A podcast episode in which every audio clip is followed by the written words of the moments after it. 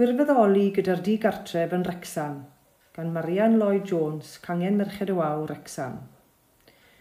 Yn fuan iawn ar ôl symud i fyw i'r os Llanyrchrigog yn 1991, cefais y cyfle i ymwneud â gwaith da oedd yn digwydd yn Rexham gyda'r digartref.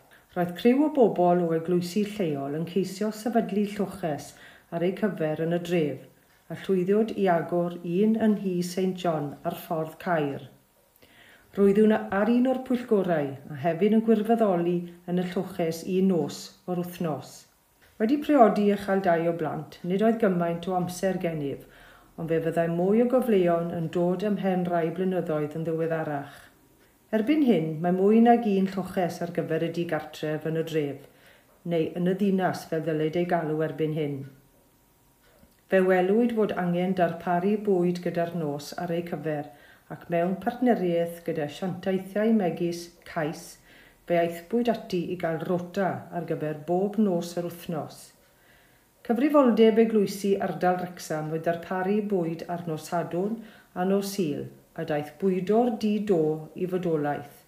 Wrexham Feeding the Roofless. Rwyf yn aelod yng nghapel y groes Wrexham ac roeddwn i'n gwneud ein rhan i fwydo ar nos sil, – yn ein tro ac roedd i am gŵr Geraint yn un o grew y capel. Ar yr adeg yma roedd yn dod at ein gilydd yn y capel i wneud brechdanau a llenwi fflasgiau a mynd â phopeth i faes parcio yn y dre. Ac wedi cyfnod o wneud hyn, roedd yn well gan cyngor Rexham ein bod yn chwilio am le dan do a dechreuwyd mynd i gapel presbyteriaid arall yn y dref, sef Trinity roedd yn hwylus iawn wrth ymyl yr orsaf fysiau. Yn ogystal â hyn, yng ngeiaf 2019, cafwyd cynllun peilot yn ardal Rexham i roi llwches tywydd oer mewn gwahanol gapeli ac eglwysi. Prosiect wedi ei drefnu gan Housing Justice Cymru oedd hwn ac roedd hyd at 20 o bobl digartref yn cael cynnig bod yn rhan o'r prosiect gan cael gwely a phryd bwyd bob nos o'r wythnos, ond mewn adeilad gwahanol bob nos. Roedd llawer o waith trefnu ar hyn oherwydd gallwch ddychmygu roedd angen gyrru bws mini i'w cludo yn ogystal â chludo'r gweliau oedd yn ei plygu, dillad gwely ac ati. Roedd gwirfoddolwyr yn paratoi pryd bwyd gyda'r nos ac yn cydfwyta gyda'r gwesteion. Roedd rai eraill yn gwneud dyletswydd nos ac rai eraill yn gwirfoddoli i wneud brecwast a chlirio gan adael yr adeilad yn daclus ar gyfer gweithgareddau'r diwrnod. Gwneud brecwast roedd o'n i'n gwneud mewn sawl lleoliad, yn bennaf capel methodistiaid ger Holt a Farndon ac eglwys St John Rosnesi yn y dref. Wedi'r llwyddiant hyn, cynllun arall yng ngeiaf 2020 a'r tro hwn roeddwn yn gwirfoddoli yn yr eglwys yn Mont Blydyn, ger Wrexham ar Wyddgreg. Ond oherwydd Covid-19, bu rhaid cael prosiect yn fuan, a chafodd y bobl digartref roeddym yn ei helpu lloches mewn gwestau lleol ac yn hostelau prifysgol Glyndwr, Wrexham. Roedd Llywodraeth Cymru yn rhoi arian i bob awdurdod lleol i roi lloches i'r rhai oedd heb cartref ac fe gwnaeth pethau newid dros tro fel petai i bawb oedd yn ymwneud â'r gwaith hwn.